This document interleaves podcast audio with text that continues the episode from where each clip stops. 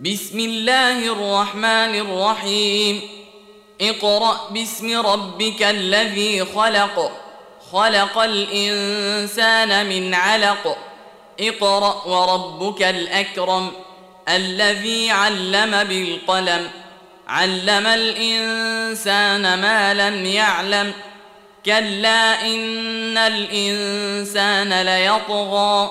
أن رآه استغنى. إن إلى ربك الرجعى أرأيت الذي ينهى عبدا إذا صلى. أرأيت إن كان على الهدى أو أمر بالتقوى. أرأيت إن كذب وتولى. ألم يعلم بأن الله يرى؟ كلا لئن لم ينته. لنسفعا بالناصية ناصية كاذبة خاطئة. فليدع نادية سندع الزبانية.